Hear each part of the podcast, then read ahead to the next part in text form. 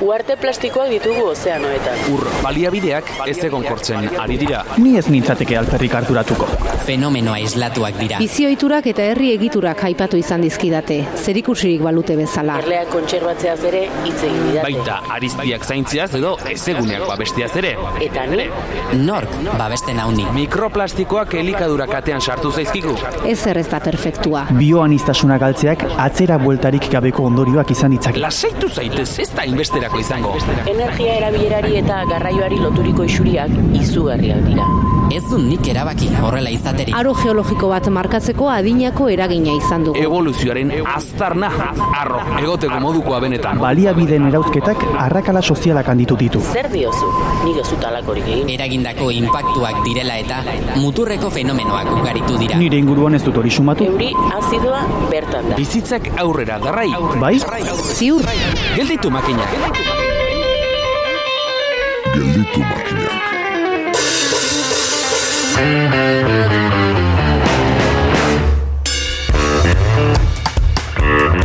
Batzuetan gertatzen da ordurarte hain erabilgarria egin zaizun zera hori esku artean hartu eta esaten duzula. Orain zer egingo dut honekin? Kortxoarekin gertatzen da zer edukiontzitara bota? Zer erabilera emango diot jada iragazgaitza ez den xirari? Zer egin pirtziklatzen zailak diren balio altuko materialekin? Azken gai honen gainean egon badaude ikerketak eta hori esitaz jardungo gara alaitz rekondo zietek taldeko ikerlariarekin. Eta materialetatik elementuetara, izena justiziarik egiten ez dien elementuak izango ditugu izketa gai. Hain zuzen ere, hain ohikoak diren lur arraroez eta euren eraginaz hitz egingo dugu Ainoa Alonso, geologo eta irakaslearekin. Bestalde, gurean izango dugu pilulen atalera periodikoki etortzen den arren, taula periodikoan kokatzen asmatuko ez genukeen zinegilea, Ainhoa Gutierrez del Pozo eta zinegomendioaren txanda da. Astera doa, kobaltoaren zenbaki atomikoa duen gelditu makinak atala.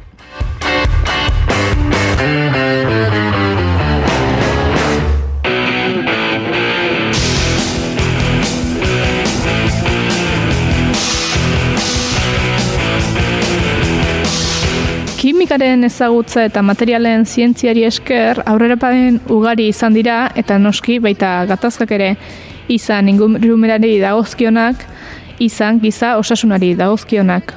Auziari konponbidea bilatzeko kimikaren ezagutza aurreratuak eta materialen zientziak berak badauka zer esana eta gaur egungo ikerketa hildo asko helburu horretara bideratuta daude. Gaur ere, alaitz rekondo, zidetekeko ikerketa taldeko kidea dugu, parez pare, bigarren ez, esango dugu, ongi etorri alaitz. Eskarrik asko, berriz ere, ali. Gaurko gai gisa, birtziklatzeko zailak diren eta ondakin volumen handia sortzen duten, balio handiko material aurreratuen, birtziklagarritasuna hobetzeko, ikerketa jarri diogu izenburu bezala, ez da makala. Botolua. Konta iguzu, zer dira balio handiko material aurreratu horiek? Ba, a ber, e, mate, e, balio handiko material aurreratuak edo plastikotan oinarrituak daudenak deitzen diogu e, erresistentzia edo propietate mekaniko altuko materialak, ezta? Batez ere dia e, zuntzezko errefortzuakin e, batera egiten dira e, materialak. Adibide errexenetako bat, ola entzuleak eta denok e, ulertzeko, ba, e, bizikletak ditugu, ezta? Leno, bizikletak e, metalezkoak, gero, aluminiozkoak harintasuna aiteko, eta gaur egun bizikleta e, bizikletan ibiltzen dan gehiengoak, karbono zuntzezko e, kuadroak eta bizikleta ditu, ezta? Harintasuna begira.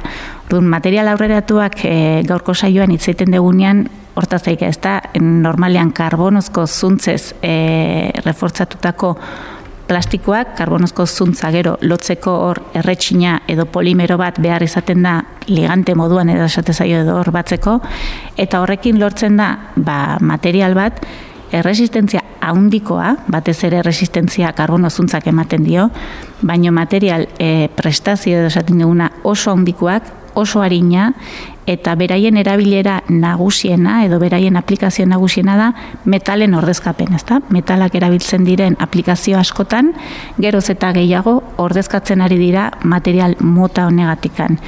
Adibide gisa eta entzulentzako errexen egual bizikleta izan daiteke, baino material mota hau erabiltzen den toki edo aplikazio esanguratsuenak e, egazkinetan edo aeronautikan da. Egazkinen gaur egun e, azken amarkadetan igotzen junda e, metalaren ordezkapena e, material errefortzatu hauen bitartez, eta gaur egun euneko berrogeita marra baino gehiago da material ontan eginda eta beste adibide nagusienetako bat eta gaur egun e, ba, volumen edo ondakin volumenagatikan e, ba, e, dabidetan dabilena energia eolikoko palak dira, ezta? Pala e, haundi ikaragarri hoiek harintasuna behar dalako, e, ba, material mota honekin eginda daude eta volumen handiko e, aplikazioak dira ba, bueno, kokatzeko gaia zerta zaikean eta ze aplikaziotan. Ah.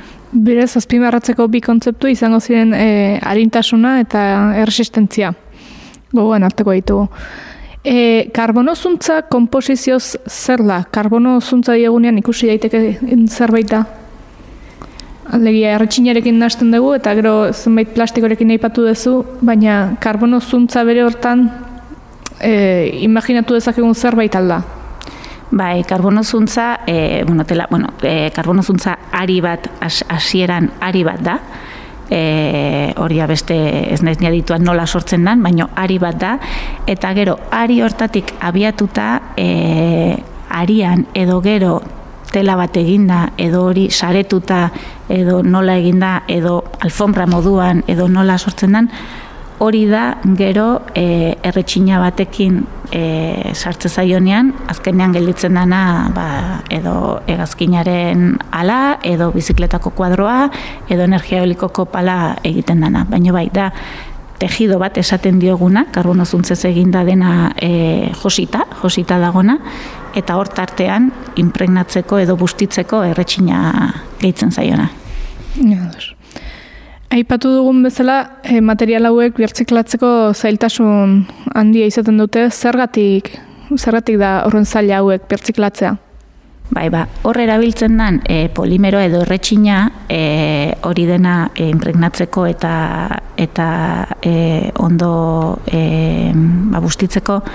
Gero egiten da hasieran e, likidoa da, da e, bi komposatuen likido bat nazten da, e, eta kolan moduan, ez da? Kola batzutan, bai da, e, adibide gisa, e, kola adibide erreixa izan daiteke.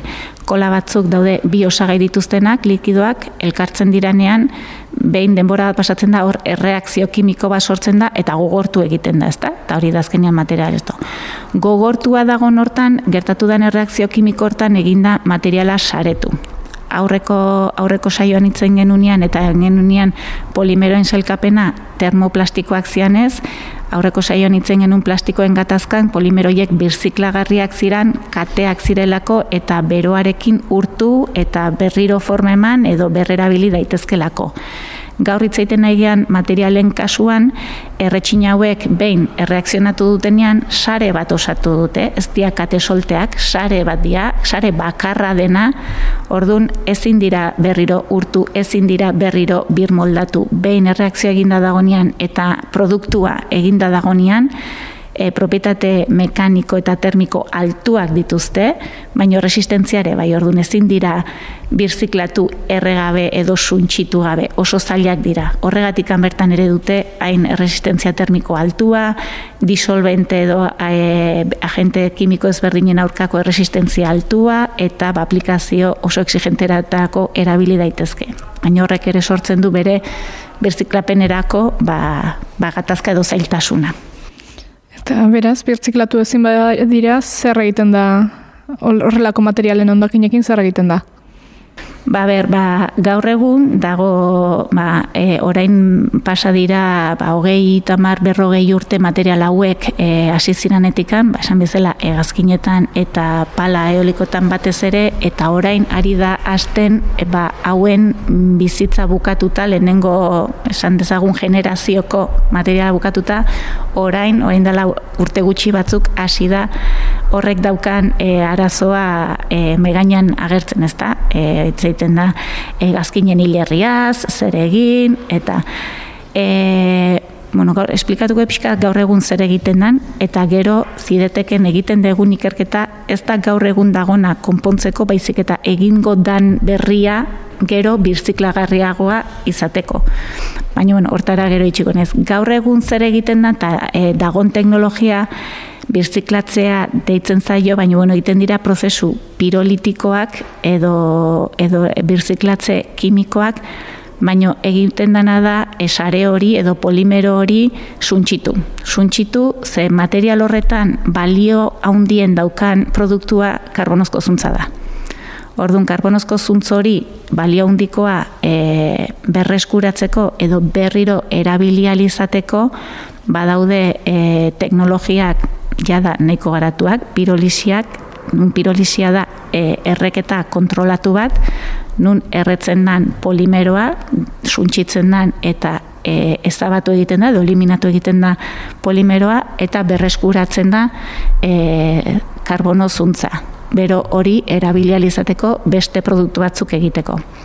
Prozesu hortan, e, materiala erretzeko ba, behar diren baldintzak neko gorra dira temperatura oso altuak, birolisian ba, azazpireun, zortzireun gradutara iristegea, karbonozuntzak aguantatzen du, baino prozesu hortan bere kalitatea edo bere propietateak geisten dira, ez da hasierako bezainona.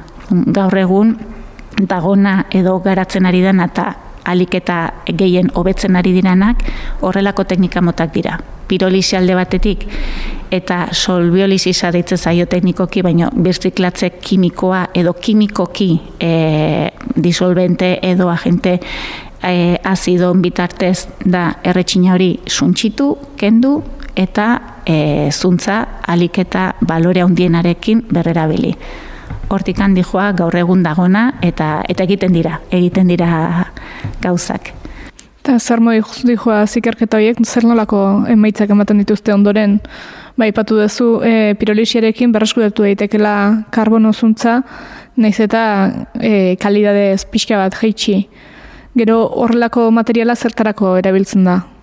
Horrelako materiala erabiltzen da berriro material komposatua egiteko, e, gertatzen dana da material konposatu horrek ditun propietateak edo erabilera e, erabili daiteken aplikazioetarako ez dirala oraindikan, ba, adibidez aeronautika, ez da, e, aeronautikako iturria bai da e, karbonozuntza balio handikoa, baino lortzen dana berriro erabiltzeko ezin da berriro egazkin bat egiteko erabili. Ez ditu e, hain propietate honak, baino badaude beste aplikazio asko adibidez e, automobil gintzan edo kotxetan e, erabiltzen ari da. Automobil gintzan e, kostea oso gauza garrantzitsua da eta karbonozuntzezko e, birziklatua asko zere merkeagoa da hasierakoa baino. Ordun koste aldetik eta propietate aldetik adibidez automobil gintzan e, ba, erabiltzen ari da pixkanaka pixkanaka hau da azken urteetan dagon ba, tendentzia edo giroa. Erabiltzen da eta e, ikerketak egiten dutena da saiatu alik eta geroz eta propietate hobeak lortzen proze, e, berziklatze prozesu hoietatikan. Aipatu dituzulen egazkinen hilerriak eta orain birtziklatzeko teknikak ere bai, e, zein da birtziklatze tasa material honetan euneko zenbat gutxi berako bat balin bada ere, edo eunekotan ez balin bada ere, e, asko birtziklatzen alda material mota hau?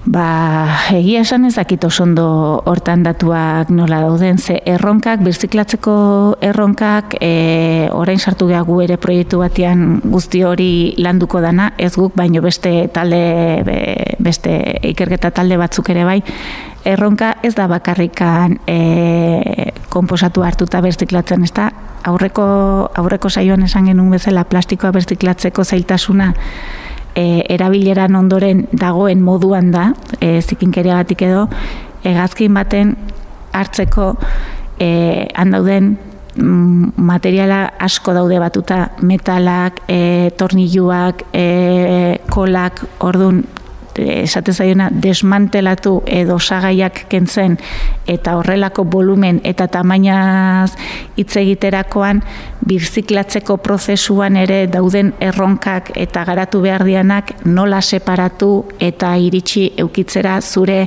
material purua da. Behin zure kompositea purua lortzen badezu, birziklatze tasa handia da eta karbono zuntza lortzen da. Baina prozesu hortan zenbat galtzen dan eta ba, adibidez e, e, pala e, energia eolikotako palan kanpoko guztia bai da kompositea, baino barruan daudena nukleok eta ditu e, egurra, e, espuma, e, orduan guzti hori banatzea eta sailkatzean dago hor zailtasuna eta errendimendu aldetik eta tasa aldetik hor e, da ere asko galtzen dana edo hor hobekuntza behar dana ben gauza bakoitza separatu ezkero eta komposizio bakoitzeko gauzak lortu ezkeo e, individualki birziklatze tasak altuak izan daitezke. Eta tasari jarraiki, birtziklatze tasa onargarri batera heltzerik ez pagenu, ba, zailtasunagatik, bai, e, purua, material purua lortzen ba, lortu dakoan, birtziklatzea erreixia baldin bada, baina hortara or, heltzea ez baldin bada inarreza, material hau erabiltzeari, uko egin beharko genioke, utzi egin beharko nuke material hau erabiltzeari, edo erakutsi dituen abantailei uko egitea litzake hori hor e, badago gatazka moral bat edo izango litzakena? Bai, bai, bueno, gatazka moralak e, gai hauekin asko daude, ezta, bueno, e, alde batetikan material hauek naiz eta birziklatzeko edo aplikazio hauetan, ezta, egazkinean eta energia eolikoan eta naiz eta birziklatzeko e, arazo handia duten eta aurre egin behar eta hobekuntzak egin behar diran, material hauek erabiltzeak ere e, metalen ordez e, ba, baditu ere e, jasangarritasun aldetik hobekuntza asko dakaten arintasuna atik ez da e, egazkin batean e, ba, kombustible asko zere gutxiago erabiltzen da hauek erabiltzakoan orduan hauek daukaten onurak ere badaude naiz eta birziklatze arazoa eduki hori alde batetik. Eta bestetik, birziklatze tasa onargarriak heltzearen erronka esango nuke ekonomikoa dala. Ez dala, oza, iritsi daiteke, iritsi daiteke hor beste gogoeta bat dago ez da, eta, eta moralki ere bai. Gaur egun, gaur egun dagoen teknologi o aurrerapen mailarekin birziklatzea ez da rentablea esango genuke. Posible da, baino ez da rentablea. Dun, gogo eta morala ere alde hortatik dator ez da, e, dirua e, edo naiz eta garestiagoa izan birziklatzea, baino jasangarriagoa baldin bada, pres gaude gehiago ordaintzeko birziklatua izatea e, e, izateagatik ez birziklatu izateagatik baino hortxe dago ere gobeta. Horrelako materialei daukionez, karbono zuntza eta, bueno, ez dakit birtziklatzepenean sartzen zareten zuek edo batez ere e, bueno, fabrikazio prozesu horretan zentratzen zareten, zer nolako ikerketak egiten ari zarete zideteken? Ba, gu gure zentroan e, lantzen ari garena da material mota hau e, egiterakoan e, jada bere komposizioa birziklagarriagoa egiten. Nola egiten dugun hori, bueno, hau ja nahiko kimikoa da eta saiatuko naiz e, esplikatzen nola ulertze, ulertzeko moduan. A ber, e, a ber lortzen duten, eh? esango diazu gero esplikazioa den da gero, a ber, e, ulertu den. E, lehen esan deten bezala, mate, e, plastikoak e, bi moduta sailkatzen ziran, termoplastikoak eta termoegonkorrak, eta material aurreratu hauek termoegonkorren e, familikoak dira edo esan dezagun, behin osatu direnean sare bat dalako, sare oso bat, e, nun hor denak lotura kimiko guztiak osatuta dauden sare oso baten eta gero ba, e, jada ezin da birziklatu edo ezin da urtu edo ezin da birmoldatu. Orduan, e, guk kimikaldetik edo zientzialdetik e, egiten deguna, bueno, guk eta eta Europan eta mundu mailan e, nahiko zabaldua dago ikerketa hildo bada, ez dugu guk bakarrik egiten. Baina da, e, kimika dinamikoan oinarritzen da esaten duguna. Kimika dinamikoa da, ba, lotura kimikoen artean badaude lotura gehienak egonkorrak dianak, ben lotura kimikoa sortu danean e, hortxe finkatzen da eta ez da mugitzen, eta badaude lotura batzuk dinamikoak nun e, bero aplikatuz edo estimulu bat aplikatuz lotura horiek e, dantzatu dezakete mugitu daitezken edo iriki daitezken, ezta? Orduan, guk egiten duguna da e, kimikoki sare hoietan sartu e, komposizioan edo formulatzeakoan material horiek lotura dinamikoak.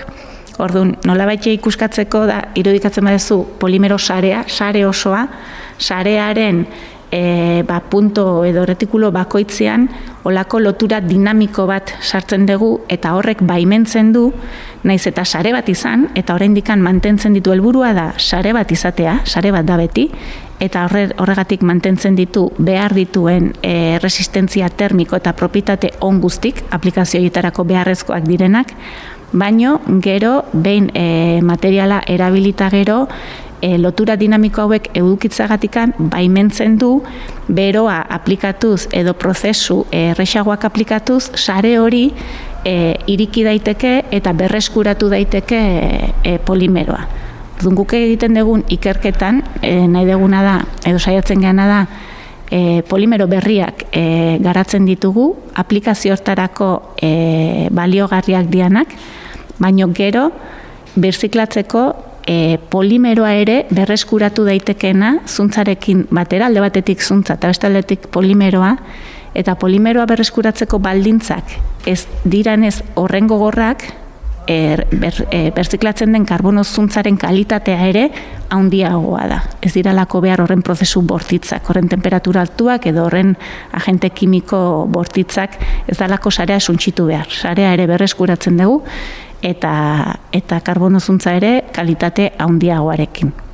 Hortan gabiltza, eh oraindikan lana daukagu, baina bueno, ikerketa hildo nahiko zabaldu bada, esatet ez gurean bakarrik eta ba, aplikazio hauetarako e, etorkizunerako e, ba, materiala jasangarriak izateko hori da ikerketa hildo bat. Bikain azaldu duzu, nik uste dut ulertu, ulertu dudala. ba, mila esker alaitz gurean izategatik, Aizalda aurkeztuko zaitutu ere ere, zidetekeko polimero eta kompositeen taldeko arduraduna zarela, eta, ba, esan bezala, hirugarren parte hartze baten zein geratuko gara. Gustara etorriko naiz. Gelditu makinak. Naiz irratian, Eli Pagolarekin.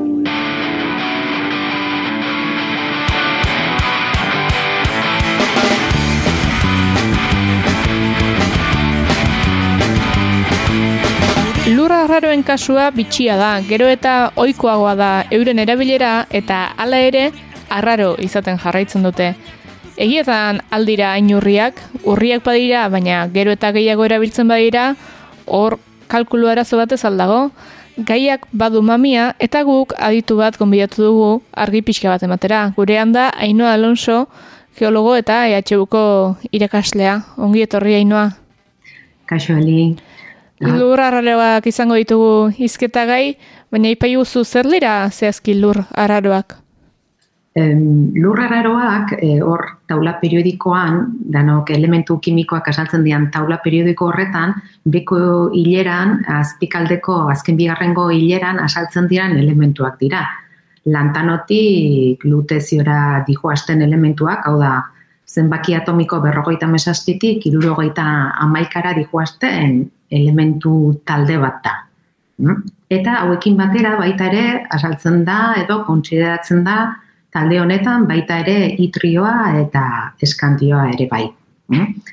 E, lurra raro hauek, ba, mabost elementu daude, eta daukaten berezitasuna da, ba, al, denak baterat asaltzen direla, hau da lantanotik luteziora talde moduran asaltzen diela, eta e, daukaten beste berezitasun bat da, ba, elektroiak ba, F orbital batean antolatzen diela.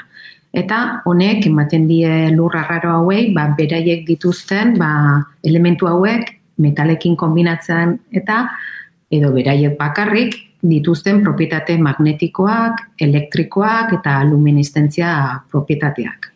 Mhm. Talde modura agertzen direla esan didezu, e, zer la talde modura agertze hori?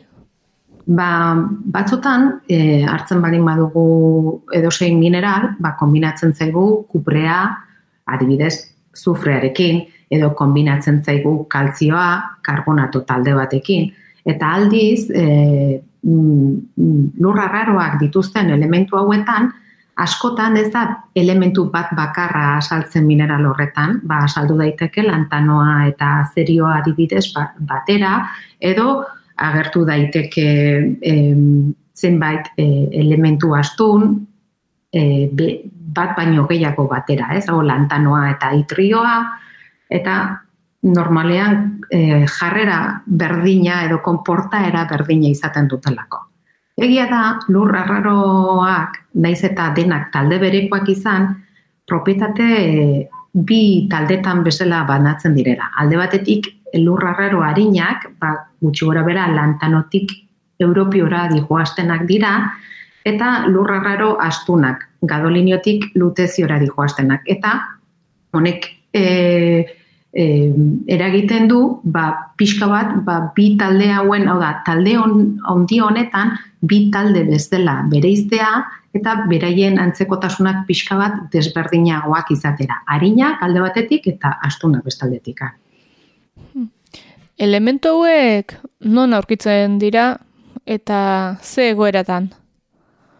Eh, elementu hauek ba, e, asaltzen dira mineraletan eta gaur egun ba, mineral berraunda eta berrogeita mar mineral baino gehiagoa ezagutzen ditugu lurra raro elementu hauek dituztenak, baino mineral hauek zenbait arrokatan asaltzen dira, arrokak mineraleta osatuta daudelako. Orduan, e, mineral hauek topatzeko edo lurra raroak dituzten mineral hauek topatzeko normalean asaltzen dira e, arroka ignioetan, hau da magma batetik eratorrita dauden arroka berezietan, sodio eta potasio asko daukaten arroka ignioetan, eta baita ere oso oso arroka ignio berezietan karbonatitak deitzen direnak, hau da magma batetik e, kalzio karbona, bueno, karbonato asko dauken magma batetik eratorriak dira gehiengo batzuk. Eta e, baita ere, azaltzen dira, beste hobi bat, mineral hauek dauden beste hobi garrantzitsu bat dira, ba, lehen aipatu ditudan arroka hoien eraldak em, lurrazaleko azalean gertatzen diran eraldaketa, erosioa em, eta eraldaketa prozesu guztiak e, sortzen diren bustinetan eta soruetan. Hau da, aurreko arrokak, den, hau dako, aurreko arroken eraldaketan ondorio sortutako buztin eta lurtzoruetan ere asaltzen dira mineral hauek. Lur arraroak izena duten ezkero, ez dirudi alda denik, baina ugar, baliabide ugaria alda? Bai, e, A ber, lurra raroak deitzen dira, ba, lehen topatu zienean mineralei e, lurrak deitzen zietelako. Eta mesortzi garrengo mendean, ba, a, e, Sueziako mehatzan aurkitu zian mineral hauek oso arraroak zielako. Eta jungea pixkanaka, pixkanaka urteen poderioz, ba, e, lurra raro izen hori ba, orain arte karri dugu. Ezta? Baina lantan ere deitzen dira, bai. Baina ez dira, e, ugariak dira ba, beste zenbait metal bezain besteko ugaritasuna dute. Adibidez, ba, lantanoa edo neodimioa, ba, kuprea edo nikela edo zinkan bezain besteko e, baino ugari, bezain besteko ugaritasuna du, edo urrea baino berreun aldiz ugariagoa da lur arraro hauek. Hm? Erabilera ere zabaltxemarra dutela aituta gaude zertarako erabilioi dira horrelako mineralak? E, mineral hauek normalean erabiltzen, bere erabilerak dira e, katalizatzaileen industrian asko erabiltzen dira, euneko berrogeita amabos bat edo e, industria kimiko horretan erabiltzen dira, besteak beste baita ere zeramika eta beiran e, produkzioan baita ere beste uneko amagosta erabiltzen da, e, burdin gintzan eta aleazio bereziak eta egiteko beste guneko amarrak, baita ere em, pulitzeko edo lehuntzeko, beirak lehuntzeko edo burdinak eta lehuntzeko ere beste uneko bosta erabiltzen da eta beste e, e, eta beste amabost bat beste teknologia batzutarako. Baina gure gizarteari pixka bat begiratzen badin badugu gure gizartean ditugun e, erabilera ohikoenak, ba e, hauen gure, gure inguruan ba, teknologia e, energia teknologia berriek, hau da, ber, energia berriztagarriak erabiltzen dituzten e, eolikoak edo panel fotovoltaikoak edo e, kotxe ibirridoak edo kotxe elektrikoak, hauek adibidez, hauen ekoizpenean e, ikaragarrizko lur arraro pila bat erabiltzen dira. Eta baita ere e, erabiltzen dira industria militarrean ere desente erabiltzen dira, bai e, misilak e, egiteko e, erradarrak, sonarrak, e, industria espazialean ere metal erresistenteagoak egiteko e, eta nola, nola ez, hau da, teknologia berrietan, hau da, gure ordenagailuetan, gure mugikorretan, eta e, asko erabiltzen dira lur arraro hauek. Lur arraro hauek ze bereizgarri dituzte edo ze propietate dituzte bain berezi egiten dituztenak? Ba, lehen esan dudan bezala, lurra raro hauek, beraien lurra raro hauen elektroiak F orbitalean daudenez, ba, hauek egiten dutena da, hauek dituzten propietate elektrikoak, magnetikoak eta fluoreszentziako edo luministenteak izateko propietateak dituzte. Orduan, hauek gehitzen ditugunean metalei, ba, hauen propietateak areagotu egiten dira. Adibidez, ba, e, erabilera bat da, ba, biletetan edo diru biletetan adibidez, ba, Europioa edo gehitzen da lurra garo bat, ba, luministentea izateko, eta adibidez pasatzen denean jakin genezake falsifikazio bat den ala ez, adibidez. Eta daukaten konfigurazio elektronikoak areagotzen du hauen erabilera, ez? Dira vitaminak izango lirateke konsideratu beharko genituzke. Ja? Edo zein arlotan, erabiltzen dienen edo zein arlotan, ba, vitaminak edo areagotzen dituzte alde batetik beraien propietateak, edo hauekin lort, kombinatuz mm, lortzen diren aleazioatan ere, ba, daukaten propietate hori areagotu egiten dute. Estrakziora egingo dugu jauzi, material hauek e, erauzteko, ze bide erabiltzen dira, ze teknologia erabilioi da? Bai, ba, hause da, ba, lurra raroak dituzten arazo onginetariko bat. Hau da, e, hauek dauden e, mineralak, e, el, bueno, lurra raro hauek dauden mineralak arroketan daude. Orduan, arrokak ustiatu behar dira. Orduan, mehatzaritza bat behar da, arroka hauek atera behar ditugu lurretik, gero bestalde arroka horretan egin behar dutuguna dira mineralak banatu, eh, beraien artean, mineral ezberdinak banatu behar dira, arroka horretan azaltzen dira mineral ezberdinak banatu behar ditugu, gero e, mineral horiek banatu ondoren, ba, min, lurra raroa daraman e, mineral hori apurtu inber da. Zertarako, ba, elementu arraro hori ateratzeko. Eta hori ere oso prozesu da e, garestia eta oso kutsagarria da erabiltzen diren bai ur kantitate eta azido kantitateak ikaragarri altua dielako. eta behin hauek askatuta ere purifikatu edo errefinatu egin behar izaten dira eta purifikatu egin behar izaten dira. Eta prozesu honek bai azido eta bai energia asko lehen beharra dau du. Elementu hauek gatazka iturburu ere badira, bai harreman internazionaletan, ba, estatu batuen eta txinen artean entzun izan dugu, eta bestelako gatazkak ere sortzen aldituzte, edo zer nolako impactu soziologikoa daukate? E, ba, esan behar dugu, ba, ez dakit dakizuten, baina lurrarraroen e, mehatz produkzioa edo lurrarraro hauek ateratzen diren herrial, herrialde gehiengoa o, o aintzindaria txina da. Oda, txinak ekoizten du ia lurrarraro guztien euneko laro gehiago baino gehiago. Mm? Eta honen ondo e, hauen atzetik estatu batuak izango genituzke, eta ondoren ba, Myanmar edo Birmania zana eta Australia ere. Bai. Orduan, 2000 eta amargarrengo urtean, ba, Txinak e, incidente handi bat izan zuen Japonekin, eta orduan Txinak egin zuen e, ornikuntza, Japoneri ornikuntza galera zizion honek e, ba, Japon etzan bat ere gustora geratu eta komertzioaren erakunte mundialera ba, e, denuntzi bat ipinizion, Estatu batuak eta Europa Europar batasuneko herrialdekin batera, ez, esan ez, ba, nola Txinak erabili zuen bere posizioa ba, e, abantai bezala. Baina, orduan, e, 2000 garrengo urtean, ba, txinak ezan zuen, ba, e, ba,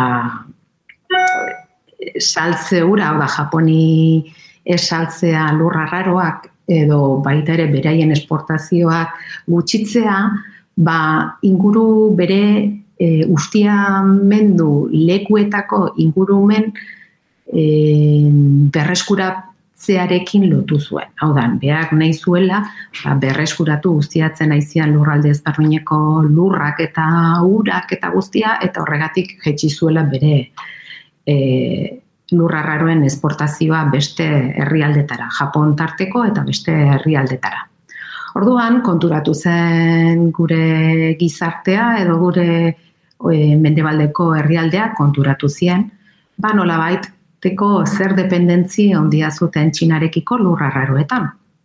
Eta, gara hartan ikaragarri igo ziren lurrarraro hauen e, salneurria. Ba, eundaka dolar e, balio izatetik, ba, i, milaka dolar e, baliotzea pasazirean zenbait elementu e, arraro, europioak adibidez, ba, ben, mila eta 2008an, mila eta dolar kiloko ordaintzen badimazan, ba, 2000 eta amaikagarrenko ustean iru mila dolarretik gora pasatzea kilora.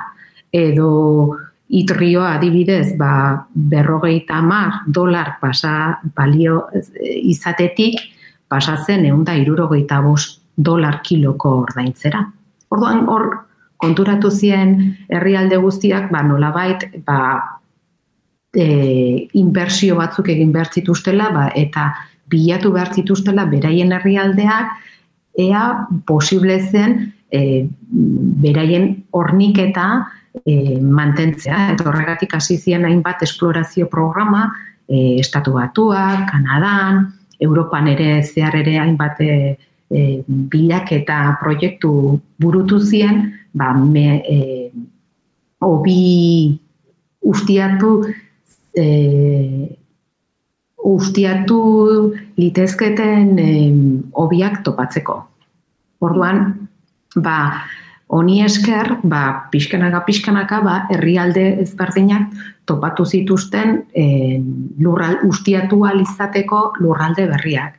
Eta baita ere, e, honek, krisialdi honek ere eragin zuen, ba, nolabait, adibidez Japon, ba, konturatu zen, ba, ezin zuela mantendu horren besteko dependentzia lurrarraroei eta ikerketa ezberdinak e, hasi zituen ba, lurrarraro hauei ordezkoak topatzeko edo kantitate txikiagoak eh, erabiltzeko teknologia berriak lortzeko. Eh?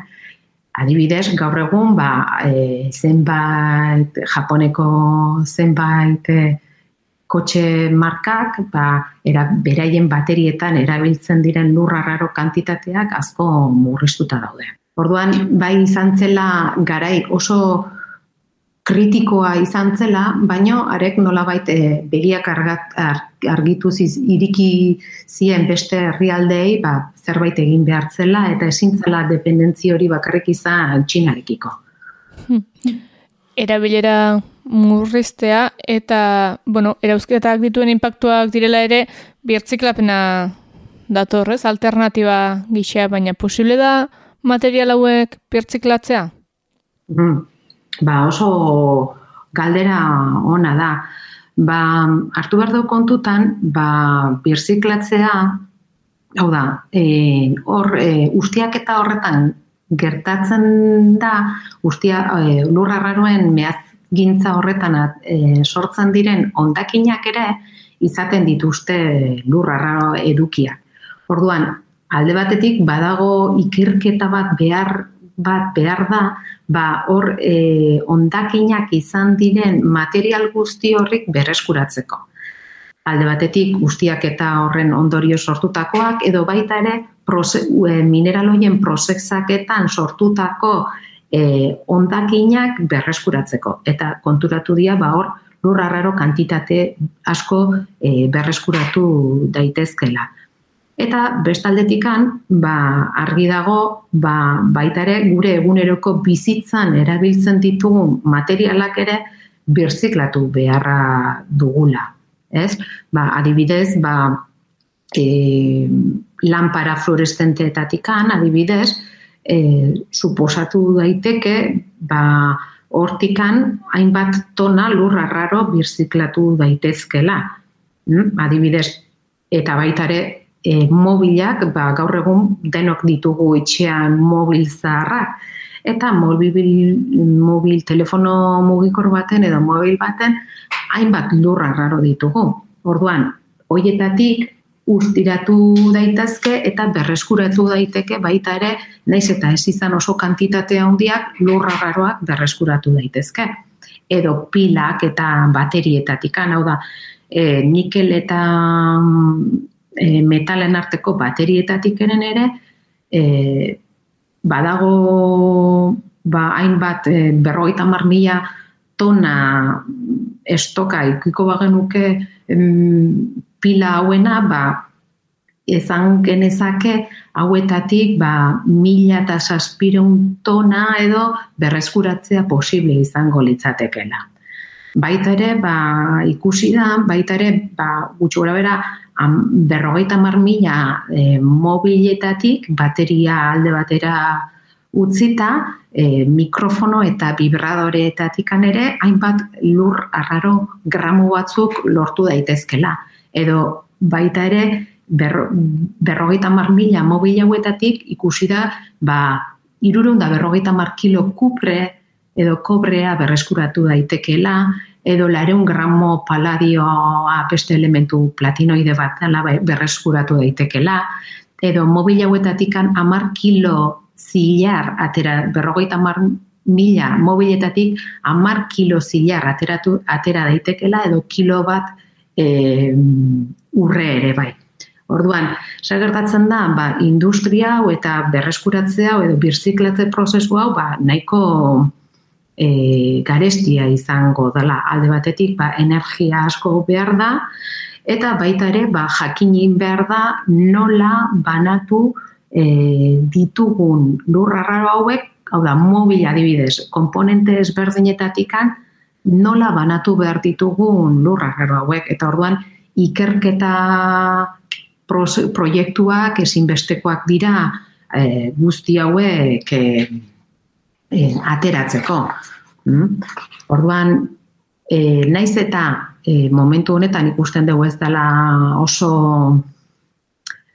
kantitate ondia ezin gen, ezingo genukena atera, Baino ikusi da eta Europako e, legediak ba, esaten du ba, birziklapenera jo behar dugula ba, berreskuratzeko modu bat izan daitekela, eh? ba, hor, e, lurra raro hauek bertatik ateatzea, ezta? Hmm. Etorkizunera begira jarrita lurra raroen kasuan ze, ze erronka izango ditugula aurre ikusten duzu. Batetik hipertziklapena aipatu dugu, baina bestelako erronkarik aurre ikusten alda. Mm, bai, nik niretzako ba, alde batetik badaude birziklapenaren erronka ikaragarria da. Hau da, irutzen zait geroz eta ondakin gehiago erabiltzen ditugula, gero eta mobil gehiago, gero eta ordenagailu gehiago, ordenagailuko baterietan eta lurrararoak daude, e, baterietan ere bai, esto aurikularretan ere bai, mikrofonoetan ere bai, mm, ekotxeko baterietan ere bai, e, kotxe elektrikoetan ere edo hibridoetan ere lurrararo asko behar dira, fluorescentetan eta lurrararoa ditugu. Ia ez dago gaur egun, era, gure eguneroko bizitzan erabiltzen ditugun lanabez guztioietan ia guztia daukate lurrararo kantitate espardinak txikiak, batzuk gutxiago eta beste batzuk gehiago, baina niretzako erronka ikaragarri da e, birziklapena. No? Eta baita ere beste erronka ikaragarri badauke gure gizarteak ba, ba, ustiatzeko eta ingurunearekiko kalteak aldiren txikienak izateko horrere ikerketa ikaragarria behar dira. Eh? Aldan e, kalde gutxien eragitea gure ingurunean import, oso importantea da. Eh? Zergatik ba, elementu hauen beharra urrengo datorren amarkadetan ikaragarri haundituko delako, eta nolabait ezin badima ditugu berreskuratu, ba, urtiatu beharko ditugu beste zenbait lekuetatik. Eta orduan prozesu honetan ustiak eta errefinatze prozesu horretan alden ba, kalte gutxien eragingo dion e, moduak aztertzea ikaragarrizko erronka izango litzateke gure gizarterako. Eta baita ere gu ere konstiente izatea ba, erabiltzen dugu mugikor horretan, ba, hainbat lurra raro daudela eta ezin dugula ba, gure e, kontsumoa ezingo genukela pixka bat neurri hartu beharko geniokela gure egun gure kontsumoari, ez?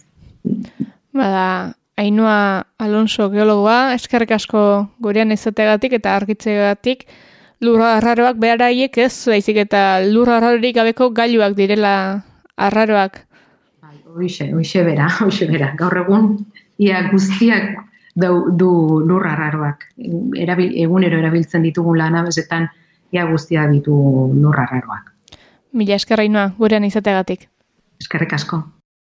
Gelditu makinak, naiz irratian, elipagolarekin.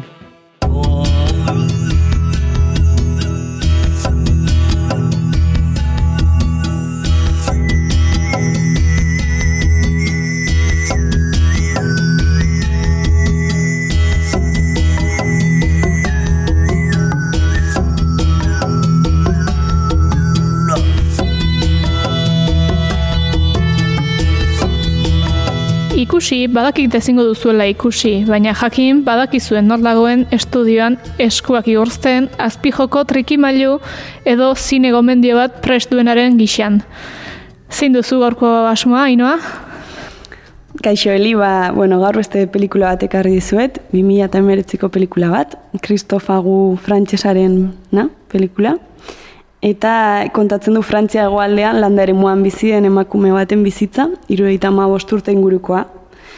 Eta orduan ba, adineko emakumeak etxalde bat eramaten du, bere kabuz, baina gero eta gehiago kostatzen zaio lanak amaitzea, bai bere goera fisikoagatik eta baita ere ba, laguntza geroz eta zaiagoak direlako lortzen beretzen. Ouais, tu m'as ce chien, moi il m'énerve alors. Toi, toi que je vais t'en passer une, va.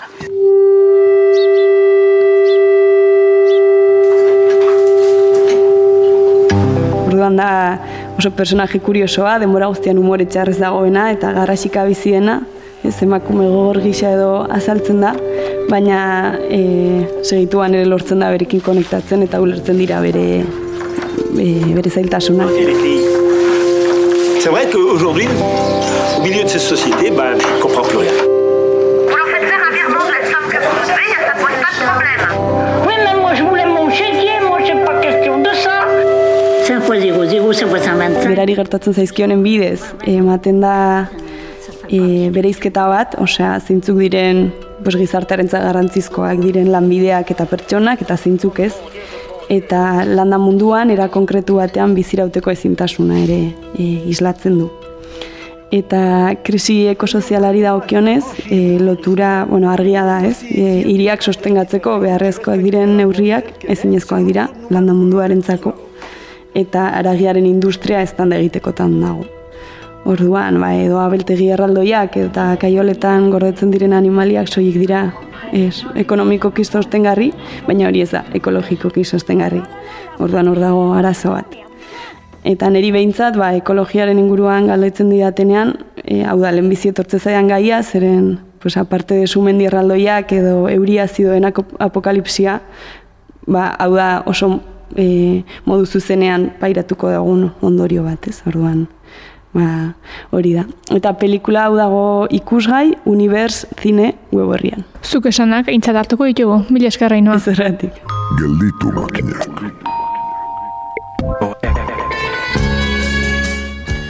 Hogeita zazpigarrenak ere eman du bada berea, finibili entzule eta hogeita zortzigarrenean elkartuko gara.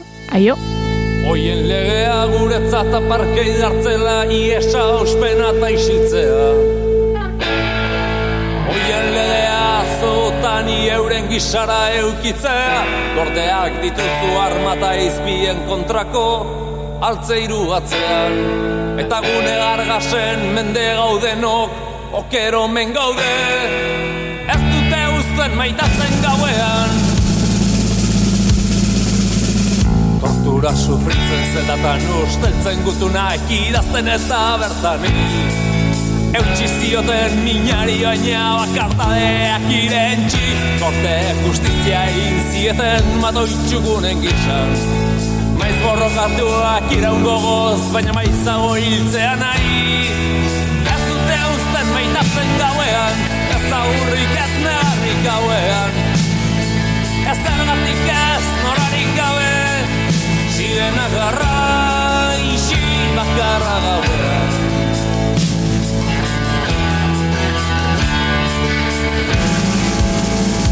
Eraman zuten frantiskiuz gaztea baitaren leku zuton makilu ere Etorri ziren pasio jara, Obisan lagunen bila Bostonen, Chicagon, Saigonen, Santiagon, Barsoian, Gazteizen eta Belfasten Abeste hainbat lekutan, hau zerrenda maigabea. Ez dute usten maitazen gauean, ez agurrik ez negarrik gauean. Ez zergatik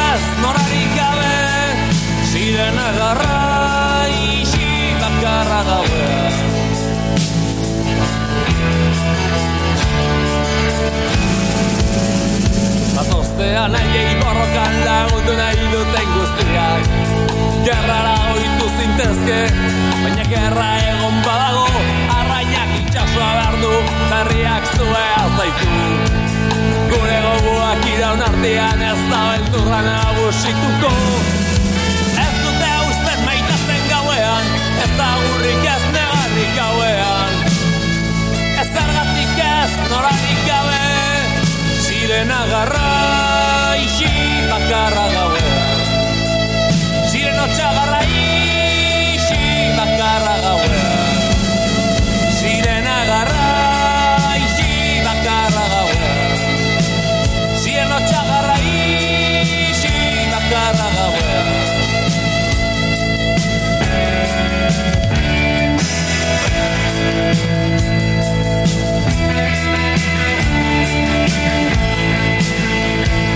We'll